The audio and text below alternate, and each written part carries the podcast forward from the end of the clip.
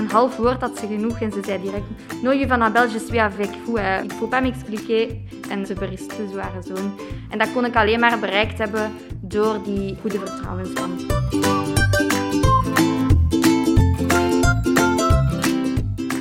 Welkom bij Urban Education, de podcast van het Onderwijscentrum Brussel. Ik ben Sarah Geets en vandaag gaan we een aflevering maken waar we al lang naar uitkijken. We gaan het namelijk hebben over ouderbetrokkenheid. Als je hier zelf in het Nederlands naar school bent gegaan, dan kost het je waarschijnlijk weinig moeite om je in te beelden hoe het eraan toe gaat in de klas van je kind. Maar dat is in Brussel natuurlijk niet voor alle ouders het geval. Vandaag praten we met juf Annabel en onze collega Fatia over wat je kan doen als leerkracht om een band op te bouwen met de ouders van je leerlingen, zodat je met elkaar kan overleggen en samenwerken als een soort netwerk rond een kind. Annabel en Fatia, welkom. Fijn dat jullie er zijn. Annabel, kan jij jezelf even voorstellen? Wie ben je en waarom zit jij vandaag bij ons? Hallo, ik ben zeven jaar geleden gestart met werken in Molenbeek. Ik heb tot nu toe eigenlijk altijd het vijfde leerjaar gedaan, maar sinds dit jaar geef ik les in het zesde leerjaar. Ik werk op een kleine school die heel erg inzet op ouderbetrokkenheid en ouderparticipatie. Maar dat blijft elk jaar opnieuw heel hard zoeken hoe dat we dat goed kunnen doen. Vier jaar geleden ben ik zelf ook verhuisd naar Molenbeek, want voordien woonde ik in Leuven.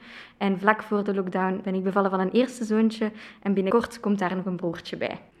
Hier bij ons met een uh, mooie ronde buik.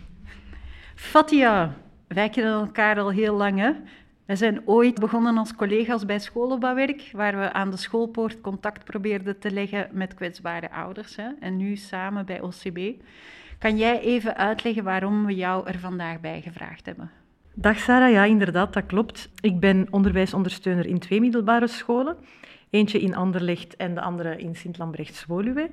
Daarnaast ben ik ook expertisedrager bij OCB voor ouderbetrokkenheid. Dat wil zeggen dat ik collega's intern ondersteun, maar we geven ook vormingen voor leerkrachten voor scholen en we hebben ook een specifiek traject voor scholen. Daarnaast hebben we ook een website gemaakt, communiceren met ouders.brussels, waar je heel wat tips en materialen kan terugvinden die je helemaal als school gratis kan gebruiken.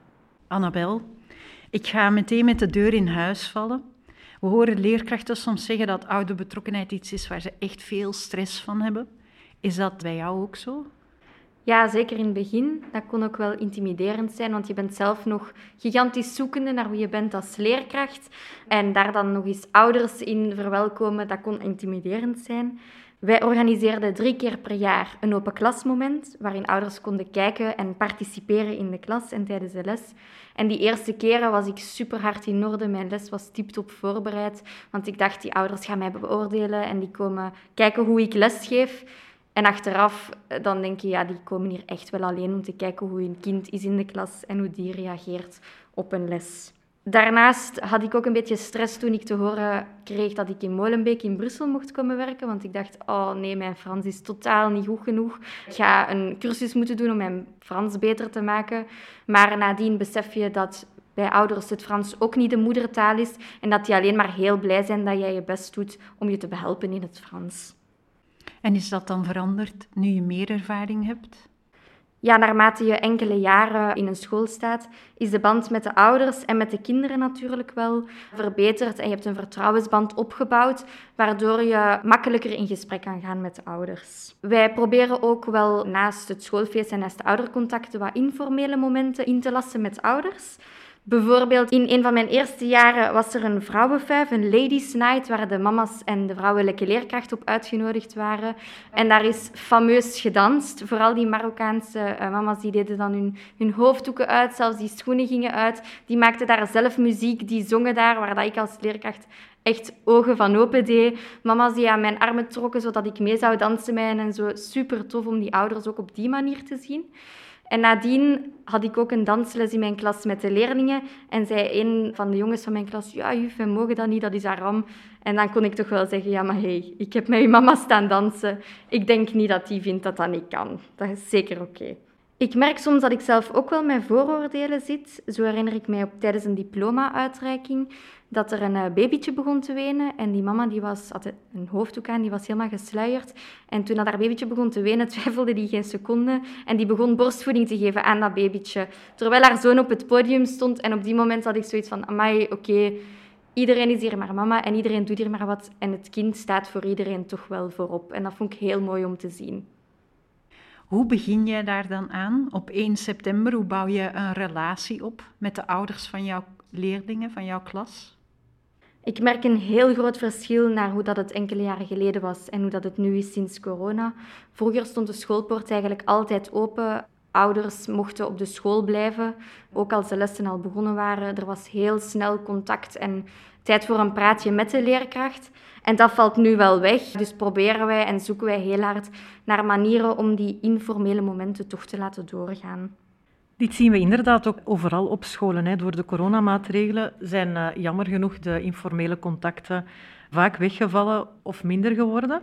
En dat is inderdaad heel jammer, want dat zijn net heel cruciale momenten voor heel wat ouders, maar ook voor de school om, elkaar beter te leren kennen en om ook een, goede basis te leggen voor een goede oudersamenwerking. We hebben wel gezien dat, dat scholen daar heel creatief mee omgaan. Om ouders en kinderen die echt in heel kwetsbare situaties toch te gaan bereiken.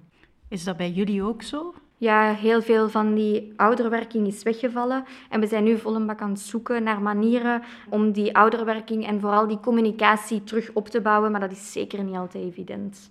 Hoe doen jullie dat dan? In september starten we altijd met een infomoment van de leerkracht naar de ouders toe. En daarin vraag ik aan de ouders of zij ermee akkoord zijn dat ik hen mail stuur. En of dat er ouders zijn die liever de communicatie van mij naar hen nog um, via een brief krijgen. Ik zeg ook altijd dat ik de ouders veel en snel ga contacteren en dat het niet is omdat ze een mededeling van mij krijgen dat dat slecht is, maar dat ik liever veel te snel communiceer dan te laat. En welke kanalen, instrumenten gebruiken jullie op school? Ik stuur sowieso mails naar alle ouders, behalve naar vier van de veertien gezinnen nu. Die hebben graag ook nog ofwel extra ofwel enkel brieven op papier. En daarnaast hebben wij twee klasouders. Dat is meestal een Nederlandstalige en een niet-Nederlandstalige ouder. En ik communiceer via hen en zij zetten dat dan over in een WhatsApp-groepje waar alle ouders van de klas in zitten. Ik probeer dat enkel te gebruiken voor dingen die ik snel nog moet meedelen. Zoals bijvoorbeeld zeg dat de kinderen hun zwemzak niet vergeten. Denk eraan, morgen is het uitstap, vergeet je abonnement niet.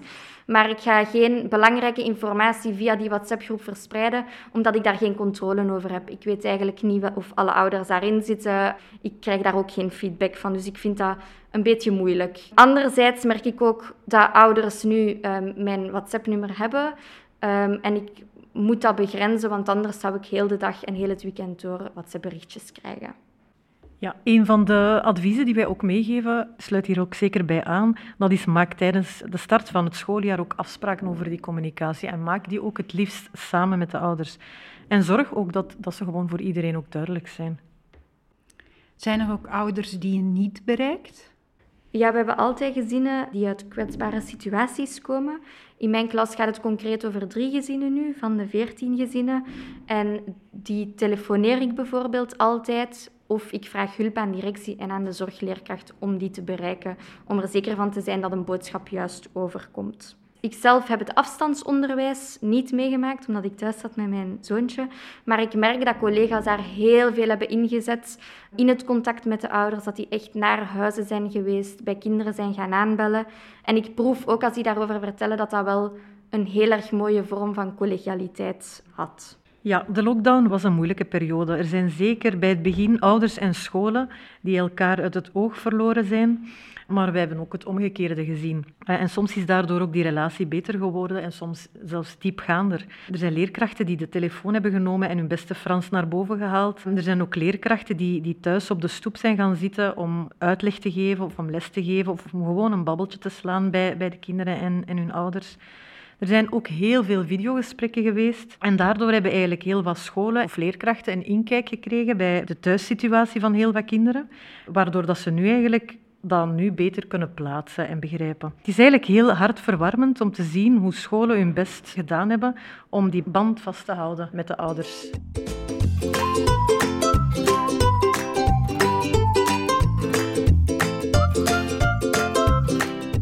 Heb jij daar ook voorbeelden van, Annabel, hoe jij je communicatie moet aanpassen aan sommige situaties, omdat mensen in een precaire situatie leven? Ja, ik had bijvoorbeeld een meisje in mijn klas. En dus bij ons op school is de afspraak dat als de school gedaan is, ofwel komen de ouders de kinderen halen op school, ofwel gaan de kinderen mee met een rij, met een leerkracht die hun op bepaalde punten afzet. Maar er zat een meisje in mijn klas en die mama kon nooit op voorhand zeggen of dat ze effectief met de rij mee moest of dat ze haar ging komen ophalen. Maar die mama belde altijd juist om drie uur naar dat meisje naar gsm om te zeggen wat ze moest doen. Maar die stoorde dus elke dag mijn les. Dus ik had al eens aan haar gevraagd, kan je niet vragen aan je mama dat ze je een berichtje kan sturen? Maar ik proefde dat de mama eigenlijk niet kon lezen of schrijven, dus dat ze ook geen berichtje kon sturen. Dus had ik gezegd, weet je wat, laat uw mama mij of jou een groen hartje sturen. En als ze jou een groen hartje stuurt, dan wil dat zeggen dat je met de rij mee moet.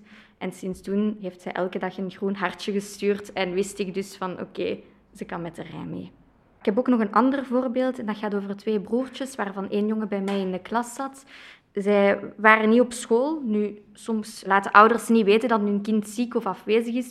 Dus ik dacht, die zijn gewoon ziek, ze zullen er niet zijn. Maar enkele dagen later bleek dat zij eigenlijk spijbelden en dat de politie en zelfs van de metro is komen plukken en dat dan aan, onze, aan de school is komen melden. Wat dat voor ons als leerkracht en als school toch wel heel erg verschieten was. En sindsdien, als kinderen er niet zijn en ik weet niet dat ze ziek zijn omdat ouders niet gebeld hebben, probeer ik toch echt direct contact op te nemen met de ouders om even te checken waar die kinderen zijn, zodat we er zeker van zijn dat die ziek zijn en de ouders ook niet ongerust zijn over waar hun kind is. Ik merk ook dat we daar de laatste tijd wel echt meer aandacht moeten hebben, want de instroom van de school die wordt steeds diverser. We hebben minder Nederlandstalige gezinnen en meer gezinnen met een beperkte draagkracht. Dus ook voor ons als school en als team en met de collega's merk ik dat dat een enorme zoektocht is naar wat kunnen wij doen, hoe kunnen wij die ouders ondersteunen en hoe kunnen de ouders dan hun kind juist ondersteunen. Ja, en ook dat is eigenlijk heel herkenbaar. Hè? Want Brussel is een uh, grootstad met veel diversiteit, zowel op vlak van cultuur, maar ook op vlak van talen.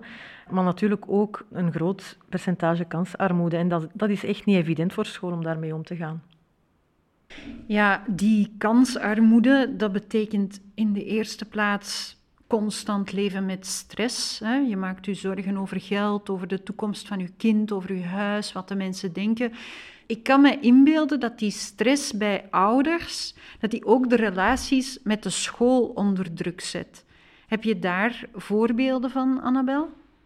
Ja, zo'n stresssituaties kunnen zich natuurlijk op verschillende manieren manifesteren. Die kunnen soms onzichtbaar zijn, doordat ouders dingen die ze moeten in orde brengen, niet in orde brengen. Zoals bijvoorbeeld brieven die moeten ingevuld worden. Ik heb ooit eens een, een jongen gehad en die bracht zijn brief van het CLB maar niet binnen voor het medisch onderzoek. Ik dacht ook, die mama... Ik was niet zeker of dat ze kon schrijven of niet. Ik heb die dan een keer bij mij genomen en gezegd, kijk, die brief moet ingevuld worden, maar het is wel moeilijk thuis met vijf kinderen. Zullen we dat vlug samen doen? Dan ben ik ook in orde, hè, want anders... Soms ontploft mijn hoofd als mama ook. Ik begrijp dat wel. We hebben die brief samen ingevuld en dat was eigenlijk een heel snelle oplossing. En dat was voor mij ook gemakkelijker dan daar vijf keer achter te moeten vragen of die brief wel ging terugkomen. Anderzijds kunnen ouders ook wel defensief reageren als hun kind een opmerking krijgt of dat jij eens komt aankloppen met ja, een bezorgdheid of iets dat niet gaat. En dan geloven ze u niet of geloven ze het verhaal van hun kind dat zij al eerder zijn komen vertellen. En als leerkracht is het dan ook belangrijk om niet te vaag te blijven. Want eerst had ik vaak de neiging om te zeggen: ja, ik heb hem vandaag echt wel veel opmerkingen gegeven. Of het was moeilijk vandaag. En die mama die begreep dat niet zo goed. Totdat ik op een dag een half uurtje pen en papier bij mij had genomen.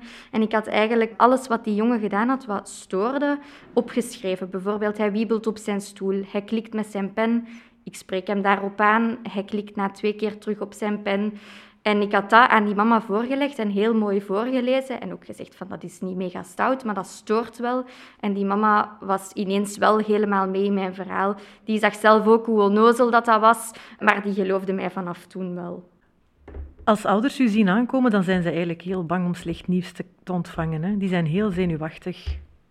Ja, ik probeer op veel momenten het vertrouwen van de ouders te winnen door ook heel vaak wel een positieve boodschap te geven en door te zeggen wanneer het wel goed gaat met hun kind in de klas. Dat kan heel eenvoudig door je duim een keer op te steken als je ze aan de schoolpoort ziet staan. Meer moet dat niet zijn. En ik had zo'n vertrouwensband al opgebouwd met een mama, die zo'n beetje als een leeuwin was voor haar vier zonen. Hevige gastjes, die af en toe ook wel een keer iets durfden uitsteken. Maar ze kenden haar kinderen heel goed. En op een dag had, zat haar zoon bij mij in de klas en moest ik haar een keer iets gaan vertellen wat dat hem had uitgestoken. En aan een half woord had ze genoeg en ze zei direct... No, je van Abel, je suis avec vous. Il faut pas m'expliquer je suis d'accord. Als jij zegt stop, dan is het stop. En ze berispte zo haar zoon. En dat kon ik alleen maar bereikt hebben door die goede vertrouwensband met haar.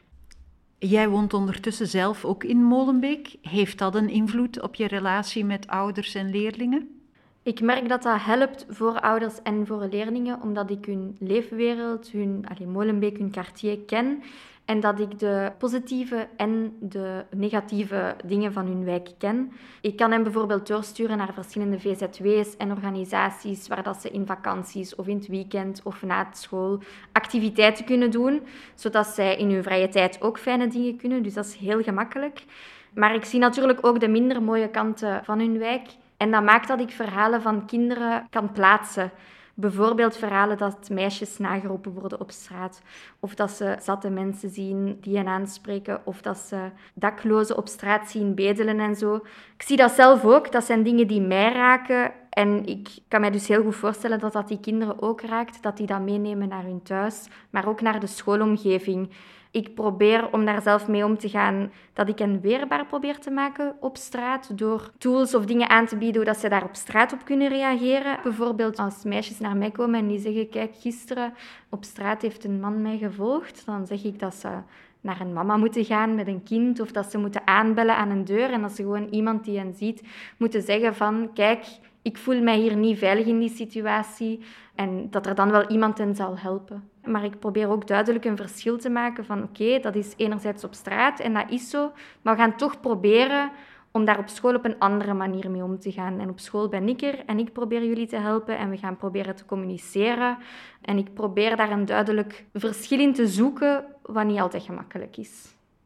Het is ook wel echt niet enkel dat negatieve, maar het is wel nodig dat we beseffen dat die enkele uitzonderlijke situaties ook in onze klas zitten en dat die extra aandacht nodig hebben. Maar bijvoorbeeld in de zomer ga ik ook met mijn zoontje naar het park in die waterpartijtjes spelen. En dan speelt hij daar met andere kinderen waarvan hij misschien niet dezelfde taal spreekt of die hij niet kent. Maar alle kinderen spelen daar samen en alle kinderen zijn daar gelijk. En dat heb je dan bijvoorbeeld niet als je elke eigen tuin hebt. Ik kom daar dan kinderen tegen van mijn eigen klas en dat is ook zo mooi en zo'n meerwaarde. Die stress van de straat of van de thuissituatie komt natuurlijk binnen in de, in de klasmuren, de schoolmuren zowel via de ouders of via de kinderen. En dat heeft natuurlijk ook impact op jou als veerkracht niet. Hoe ga je daar eigenlijk mee om? We staan er op school echt niet alleen voor. Wij zijn een team, de collega's en de directeur proberen samen te werken. Er worden ook veel momenten ingelast om een keer te ventileren, om te kunnen vertellen wat er gebeurd is met een ouder of met een leerling. Want dat laat u ook niet koud. Sommige verhalen komen echt binnen, bij de ene leerkracht al meer dan de andere. En jij hebt dat soms nodig, die background, om dingen te kunnen plaatsen. En dat helpt echt om daarover te praten. Ik heb los van mijn schoolteam ook het geluk dat in mijn omgeving dat ik daarover kan praten, dat de mensen de Brusselse context wat kennen, dat die dat vaak van verschillende perspectieven kunnen zien en kunnen kaderen en dat helpt mij om daar open-minded over te zijn. Het is belangrijk dat je op school kan ventileren, maar het is wel belangrijk dat dat in een positieve sfeer kan gebeuren en dat dat constructief is. Want het is moeilijk om niet te beginnen roddelen, of het wordt al snel roddelen. En ik geloof niet dat er dan nog iets positiefs van kan komen of dat je elkaar dan nog kan helpen. Het is natuurlijk ook een complex verhaal. Er zijn geen eenvoudige oplossingen en uh, je hebt elkaar nodig om te zoeken naar die oplossingen. Ja, dat klopt ook. Dat zien we ook. Want elke situatie, elk mens, elk gezin is ook anders. En ouderbetrokkenheid vraagt ook heel veel tijd, maar ook heel veel energie. Wij willen eigenlijk onze scholen helpen om hun energie te gaan steken in de dingen waarvan dat we echt weten van ja, dat heeft het meest effect. En het onderzoek blijkt dat vooral thuisbetrokkenheid wat wil dat zeggen? Dat wil zeggen dat thuis een sfeer wordt gecreëerd die het leren stimuleert. Bijvoorbeeld hè, ouders die thuiswerk opvolgen en die vragen hoe, hoe is het, hoe was het vandaag op school? Of die een kind ook moet inspreken als het moeilijk gaat. En hoe kunnen we daar als school bij helpen? Onder andere door in dialoog te gaan met ouders, door echt met hen te gaan praten en door hen ook te betrekken als gelijkwaardige partners in een gesprek. Door altijd ook na te gaan of de boodschap overgekomen is of je elkaar eigenlijk goed begrijpt. En zeker niet om heel snel ervan uit te gaan dat ouders bepaalde zaken zomaar weten. Dus zoek samen naar oplossingen voor problemen. En als het kan, om de kinderen en de jongeren te betrekken. Want vaak hebben zij ook de meest simpele en goede ideeën daarvoor. Dus het is voor ons heel belangrijk om ouderbetrokkenheid te zien als een verhaal, als een gelijkwaardige partnerschap. Met als doel welbevinden en kansen van kinderen te vergroten.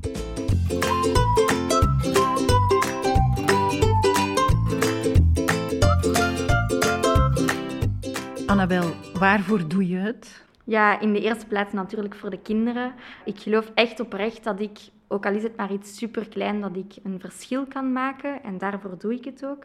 En langs de andere kant doe ik het toch ook wel voor mezelf. Ik sta heel graag voor de klas en ik geniet ook van die multiculturaliteit van Brussel. En dat is een woord, en ik merk dat heel veel mensen nemen dat graag in de mond. Die multiculturaliteit is een uitdaging, maar ik merk ook dat ik op school daar heel veel de positieve en de mooie kanten van kan zien. Als ik kijk naar mensen in mijn omgeving die in het sociaal werk werken, die werken veel meer met de gezinnen waar het moeilijk gaat. Terwijl ik ook echt hoopvolle gezinnen zie. En dat geeft mij alleen maar hoop dat die multiculturaliteit dat geen droom is of geen illusie, maar dat dat echt een supergrote meerwaarde kan hebben. Welke tip kan je nog meegeven voor andere leerkrachten? Ik probeer altijd met ouders te praten alsof het kind zelf ook aanwezig is, omdat ik voel dat ik dan toch milder en respectvoller ga praten met dat kind. Nog steeds eerlijk, ik ga het niet verbloemen, maar dat geeft de boodschap op een mooiere manier meer. En dan heb ik ook nog een tip die ik van een vorige directie gekregen heb. Die zei van ja, je moet proberen om niet met jij bent boodschappen te spreken. Bijvoorbeeld niet zeggen van ja, zij is heel vrolijk, maar je kan dat hetzelfde verwoorden met zij lacht heel veel. Of niet, ja, hij is niet goed in wiskunde, maar hij kan zijn maaltafels nog niet zo goed. En dat zorgt ervoor dat je geen stempel op een kind drukt, maar dat je wel de kans geeft aan het kind en de ouders om daarbij te ondersteunen, om te groeien, om met die dingen aan de slag te gaan. En ik vind dat dat veel mooier een evolutie kan teweegbrengen. Fatia, heb jij nog tips en waar kunnen leerkrachten terecht voor ondersteuning? Ja, scholen hoeven dit natuurlijk zeker niet alleen te gaan doen. Een eerste tip die ik graag wil meegeven is neem tijd daarvoor. Daarnaast kunnen scholen ook bij OCB ondersteuning krijgen op maat van hun school. Ze kunnen zich ook inschrijven voor onze vorming en ze kunnen ook beroep doen op heel wat partners die scholen uh, ondersteunen bij kinderen die, die in heel uh, kwetsbare situaties zitten. En misschien last but not least hebben wij ook een website, communiceren met ouders.brussels. En dat is eigenlijk een tool die scholen kunnen gebruiken om heel wat informatie te vinden over ouderbetrokkenheid. Bijvoorbeeld een leidraad voor een oudergesprek, tips rond ouderprikkels of ook kant-en-klare schablonen die ze eigenlijk in hun werking kunnen gebruiken.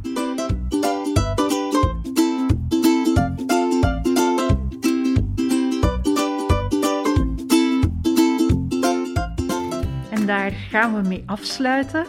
Het was geen oppervlakkig simpel thema vandaag. Het raakt echt aan wie we zijn en het gaat over onze relaties met elkaar. Dus Fatia en Annabel, ik wil jullie echt bedanken om daar zo eerlijk en genuanceerd met ons over te willen praten. Het was echt fijn. Luisteraars die meer willen weten, die kunnen alle links terugvinden in de show notes. Heb jij feedback, vragen of suggesties voor ons? Die mag je zeker opsturen naar onderwijscentrumbrussel.vgc.be. Bedankt voor het luisteren en graag tot een volgende keer.